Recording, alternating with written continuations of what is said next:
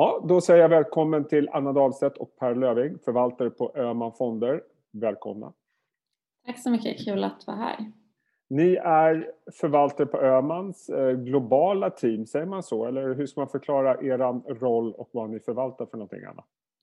Ja, precis. Vi är fem förvaltare inom Öhmans globala aktier eh, och alla har ett definierat sektoransvar. Och vi tillsammans förvaltar tre stycken fonder man Global Hållbar som är en bred global fond, eh, Global Growth där vi investerar i tillväxtbolag och sen lanserade vi en ny fond strax innan årsskiftet, Öhman Globala Småbolag.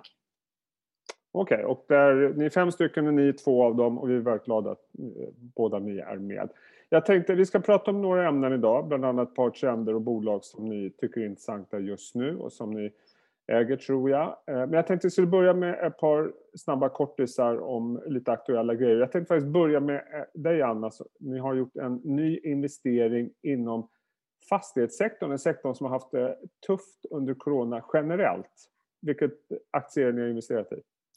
Eh, vi har investerat i den amerikanska datacenterriten QTS Reality Trust i vår globala småbolagsfond. Ehm, och ehm, det som gör datacentersegmentet intressant är ju att det är exponerat mot en växande och långsiktig trend, det vill säga ökad digitalisering. Och eh, det här kommer driva på efterfrågan på förvaring av data länge. Eh, och fastighetssektorn är ju någonting som är väldigt diskuterat eh, och man frågar sig, kommer vi fortsätta se den här yieldkompressionen och stigande hyrestillväxten som vi har sett de senaste åren? Eh, och som du sa så är det ju flera segment som har haft det lite tufft nu under corona som kontorsmarknaden eh, och även de fastighetsbolagen med retail-exponering har haft svårt att få in hyresintäkter. Så att på så sätt så är ju datacentersegmentet ett väldigt intressant subsektor inom fastighetsmarknaden. Och vi tror att QTS har bra potential att ta tillvara på den här växande eh, tillväxten. Mm, QTS Reality Trust. Och Per, eh, du, en av de sektorerna som du följer är hälsovård. Och ja. eh, igår hade en av hälsovårdssektorns stora giganter, Medtronic, kapitalmarknadsdag, eller hur? Vad var dina intryck? Ja, det, det var... De hade sin investerardag igår. De kom med lite vässade finansiella mål och presenterade sin eh, produktpipeline. Det var en sak, speciell sak som jag, de kom med som jag tyckte var ganska cool. Medtronic eh, arbetar tillsammans med Amazon på något som de kallar Pillcam Genius. Och I princip så sväljer du en kamera stor som ett piller för att göra en kolonoskopi, alltså en undersökning av tjocktarmen. Så tanken är att du eh, beställer det här pillret på Amazon, sväljer det hemma och sen analyseras bilderna med hjälp av AI och skickas till din doktor. Det tyckte jag var ganska coolt. Eh, I övrigt är Medtronic har en ny VD, en spännande pipeline och eh, rätt så mycket lägre värderad än sina konkurrenter. Så det är spännande, det är något jag kommer titta på framöver. Mm. Alltid kul att följa Medtronic. De är ju på något sätt ledande inom global medicinteknik. Mm. Eh, per, vad, vad, skulle du annars säga innan vi går vidare skulle känneteckna er investeringsstrategi bland de här globalfonderna? Ja, men vi har ett klart aktiefokus och vi vill att merparten av vår risk i fonderna ska komma från aktievalet. Sen försöker vi också ha en långsiktig eh, investeringshorisont och vi tittar mycket på teman som ger olika bolag strukturell medvind. Och detta har ju gynnat oss jättemycket i år då både klimattemat och digitaliseringstemat har varit jättestarka. Eh, sen är värdering viktigt, men det betyder inte alltid för oss, i alla fall lågt PE, utan vi tar också hänsyn till eh, bolagens tillväxt, vad de har för position på marknaden, regionala skillnader och så vidare. Eh, men vi vill att bolagen ska vara attraktivt värderade kan vi väl säga. Eh, så det där är våra gemensamma utgångspunkter i, i teamet. Då. Men som annars har vi fem förvaltare och fem olika individer med lite, lite olika stilar. Så där. Vi har olika holdingperioder, vi gillar lite olika typer av bolag. Så vi tycker detta ger oss massa, alltså flera typer av eh, alfakällor och bidrar bra till riskspridning av portföljen också. Mm. Jag tänkte att vi ska ta en titt på två av de två områden som ni tycker är intressanta just nu med starka trender. Och vi börjar med en, man vill inte säga det, en riktig coronavinnare får man väl ändå säga och det är husdjursmarknaden. Vi har sett flera exempel eh, globalt på eh, aktier och bolag som har gynnats av trenden att allt fler skaffar husdjur. Vad är det, Anna, som ni gillar ytterligare med den här marknaden? Eh, nej, men jag skulle säga att husdjursmarknaden är rätt så unik i och med att den både har defensiva och tillväxtkvaliteter.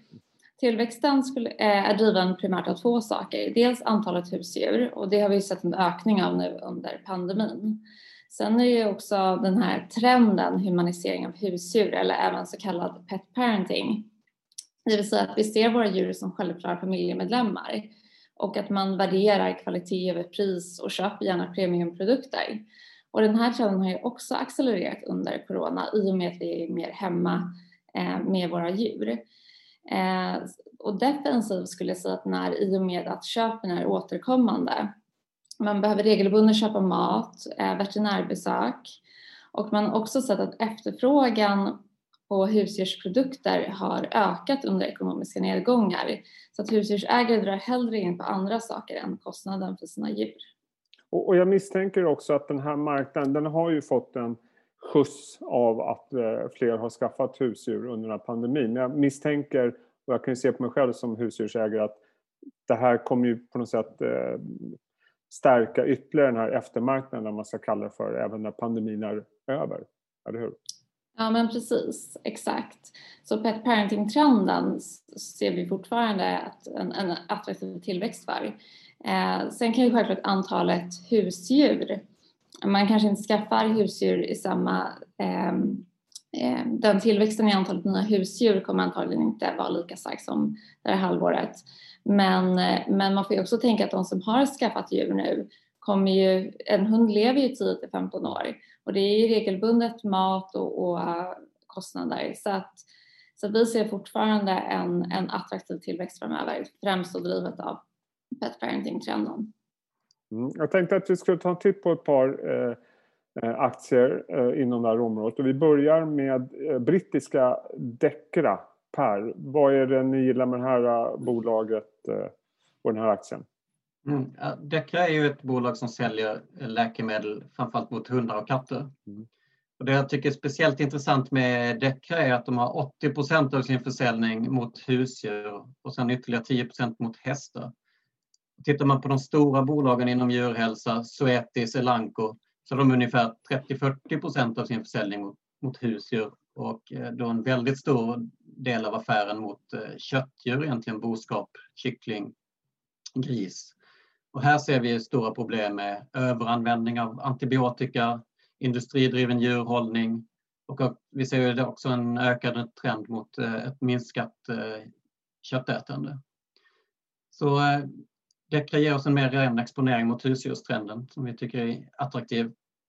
Aktien eh. är upp, vad är det, knappa 20 procent i år om jag såg rätt. Eh, vad kan du säga om aktien och värderingen och hur ska man tänka kring den? Jag tror aktien hade varit upp ännu mer om vi inte hade sett som eh, veterinärbesök har gått ner väldigt mycket och man har också ganska mycket läkemedel som riktas direkt mot veterinärer. Eh, det kan värderas ungefär till 30 i PE och eh, man växer strax under 10% om året eh, i försäljning och strax över 10% i vinst. Mm. Tittar man på de stora konkurrenterna så värderas de upp mot 40-50 i PE så vi tycker det är en attraktiv värdering jämfört med, med sina större konkurrenter. Mm. Ja, intressant. Och Anna, vi ska prata lite grann om en finsk eh, vad ska man säga, husdjurs eller djuraktie också. Det är Musti som jag tror är lite mer välbekant för svenskar, kanske mer än vad de tror. Berätta. Ja, precis. Eh, Musti har ju verksamhet i Sverige, Norge och Finland och här i Sverige så äger de bland annat Vetso och Arkenso som säkert många känner igen som har djur. Absolut. Eh, och eh, det som vi, vi tycker eh, gör Musti intressant är att de har en marknadsledande position på den nordiska husdjursmarknaden. Så de är väl eh, exponerade för att ta tillvara på den här starka pet parenting-trenden. Eh, och det här har de genom att de har ett brett butiksnätverk som de dessutom expanderar, framförallt i Norge. Eh, sen har de också en väldigt stark närvaro online, vilket har gynnat dem nu under coronapandemin. Eh, och vi tror att de har god potential att fortsätta ta marknadsandelar på den nordiska marknaden. Eh, och sen har de också, vad gäller lönsamhet, så har de potential att eh, komma upp, på lång sikt komma upp på Finlands nivåer i Sverige och Norge. Eh, ebitda-marginalen är ungefär dubbelt så hög i Finland än vad den är i Sverige och Norge. Och vad säger du om eh, värderingen då? Det här har varit eh, en aktie som också gått väldigt bra, bra tillväxt eh, och som sagt det känns ju som att de kommer ha en väldigt fin marknad även efter pandemin som sagt. Ja precis, jag tror det är väldigt viktigt att man tar hänsyn till tillväxten. Eh, via IPO sa Musti att de beräknade att den nordiska husdjursmarknaden skulle växa runt 4% och nu menar de att det är snarare runt 6 eh, Så att jag menar vi ser en betydligt högre tillväxt. Eh, och de handlas just nu runt 18 ev ebitda eh, för nästa år. Så att jag, eh, man får jämföra med eh, Alltså det är få retailers som har den här starka tillväxten. Mm. Och du, innan vi går vidare, jättekort bara om Intervac. Det här har ju varit en väldigt populär aktie i Sverige. Aktien har gått fantastiskt bra. Den gick ju bra redan innan pandemin ska tilläggas. Hur, ser du på den aktien nu efter den otroligt starka utvecklingen? Eh, nej, men vi är fortfarande positiva till Intervac. Om man, alltså, deras främsta vaccin är ju som de har nu som är tänkt att lansera under nästa år är ju mot kvarka mm. och det är ett globalt problem eh, och det finns ju stor efterfrågan samtidigt som det är mer kostnadseffektivt att vaccinera hästen än inte göra det. Sen har de dessutom intressanta vacciner i pipeline, men det är ju lite längre bort. Okej, okay, ja, intressant. Eh, bra. Du Per, jag såg på er hemsida att du har skrivit om eh, Nobelpriset. Eh, varför är det väsentligt att prata om i det här sammanhanget? Ja, men för det första är det ju otroligt kul att Nobelpriset har i alla fall indirekt gått till Sverige och Umeå. Eh, gensaxen som man premierar är en fantastisk upptäckt. Jag tror till och med Vetenskapsakademin använder ordet revolutionerande. Och den här ger ju massa intressanta möjligheter inom livsmedel, växtförädling och inte minst då inom naturligtvis mina, de bolag som jag täcker inom, inom hälsovård. Och genterapi som det här området kallas då, det är ju enkelt uttryckt att justera eller ersätta defekta delar av DNA för att, för att bota genetiska sjukdomar. Eller i alla fall att eh, sakta ner sjukdomens förlopp så mycket så att man kan vara sjukdomsfri i många år. Så i teorin är det en enda behandling som ersätter ett livslångt medicinerande. Nej, forskningen har ju kommit långt redan inom, inom muskelsjukdomar, blödarsjuka och, och vissa typer av genetisk eh, blindhet. Så att eh, det här är en marknad som, eh, det pratas ju väldigt mycket om genterapi. Jag misstänker att i ett scenario att det här kommer bara fortsätta att växa och utvecklas. Man kommer hitta nya områden. Det finns ju idag en handfull godkända genterapier men, men det pågår över tusen kliniska försök världen över. Så bedömningen är väl att det kommer ligga bortåt 25-30 miljarder i försäljning dollar och, eh, inom några år ett jättestort område som sagt. Och eh, hur har ni exponerat er mot eh, genterapi i era fonder? Har du något exempel? Ja, för vår småbolagsfond så eh, ville vi ha exponering mot området som sagt. Men samtidigt ville vi undvika då de största riskerna med enskilda forskningsmisslyckanden. Så jag tittade helt enkelt en bit ner i värdekedjan och hittade där ett bolag som heter Cryoport som då var en halv miljard dollar i market cap i, lite före årsskiftet här när vi startade den här fonden. Ett amerikanskt bolag, eller hur? Exakt. Mm. Och det är så att alla de här T-cellerna, stamcellerna, embryon som ska eh, transporteras mellan då sjukhus och forskningscentra och senare mellan tillverkningssajter och tillbaka till patienten. Den måste frysas ner eh, till ungefär 150 minusgrader för att det inte ska få metaboliska förändringar som, som då förstör olika attribut i, i, i celler och läkemedel. Och det här är då Cryoport experter på. Och det är ytterligare en aktie som har gått otroligt starkt om jag minns rätt. Ja. Eh, givetvis. Ja. Hur stort är det idag och eh, hur ser värderingen ut? Det är nästan två miljarder. Jag vet inte om man kan värdera det. Eh, de har inte vinster än. De förväntas gå med vinst på sista raden 2022 så det är inte så långt borta. Men bolaget växer 40 procent organiskt. Man har i år gjort två förvärv som faktiskt dubblade omsättningen redan i år två gånger. Så då, då kommer man väl inte växa de där 40 procenten i och för sig framöver. Men vi ser väldigt attraktivt på det här bolaget. Man har ett transportkontrakt på transporter inom nästan 500 av de här genterapiförsöken världen över. 70 procent av alla fas 3 genterapiförsök. Och det är i de senare delarna av försöken som de stora pengarna ligger då. Ja, intressant. Två spännande områden. Eh, vad säger ni annars om eh, börsen? Det här har ju varit ett eh, väldigt, väldigt speciellt år med djupa dalar och höga toppar och nu går vi in i en höst med Q3-rapporter och presidentval och stigande corona. Hur resonerar ni på era möten när ni tittar på börsen framöver? Ja, eh, nu har vi ju Q3-rapporterna börjat trilla in och eh, vinsterna förväntas ner ungefär 20 procent om man tittar år över år. Och det här är ju klart en förbättring jämfört mot de tidigare mer nedtryckta nivåerna. Eh, sen ser vi låga lagernivåer och det här ger möjlighet till en bra cykel under en period och att vinster i det korta perspektivet slår förväntningarna. Sen har vi penningpolitiska lättnader som sannolikt lär följas av finanspolitiska, vilket också är positivt för aktiemarknaden. Och vi inom globala teamet, vi fortsätter att ha en tillväxtorienterad eh, portfölj. Dels att vara låga räntor och dels eh, att ha många starka teman som eh, stödjer till exempel arbeta hemifrån e-handel och så vidare. Sen tror vi dock att det kan bli ett stökigt slut av året.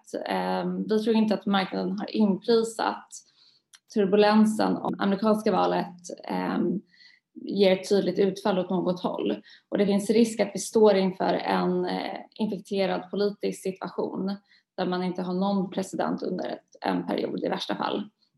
Ehm, sen tror vi också att risken för tillväxtbolag har ökat i och med de här snabba kursuppgångarna och att det finns en större fallhöjd vid besvikelser i Q3. Dock är det ändå viktigt att ha med sig att de här medvindarna finns ju fortfarande kvar, alltså tillväxten för de här eh, bolagen, men att det kan bli en tillfällig dipp vid besvikelser. Så att sammanfattningsvis på kort sikt så har vi tagit ner risken lite och vi har på marginalen blivit lite mer försiktiga. Och Per, någonting att tillägga? Ja, men jag kan ju tillägga att dagen, dagen då covid-vaccinet är här kommer ju allt närmare. Och det gör ju att det finns anledning att tro att kanske i början av nästa år eller efter den här turbulensen runt eventuella turbulensen runt presidentvalet så eh, kommer vi se eh, en mer starkare ekonomisk eh, återhämtning och då är det dags för en mer cyklisk portfölj med kanske mer värdebolag. Men då tänker vi nog inte värdebolag i form av banker eller energi, eh, de här alltför starka strukturella motvinnare.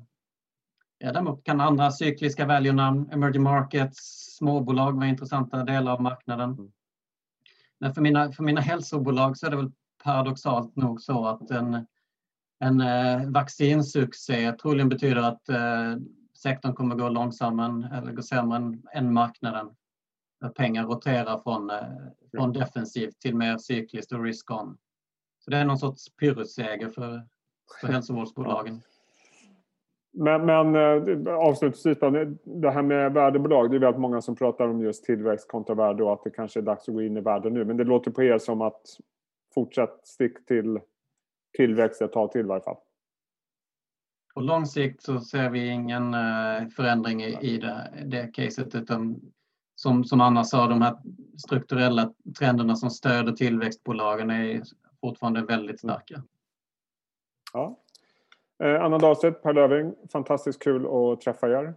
Hoppas att vi ses i, vad ska man säga, i verkliga livet nästa gång. Sköt om er. Superkul att vara här. Tack så mycket. Tack. Jättekul, tack.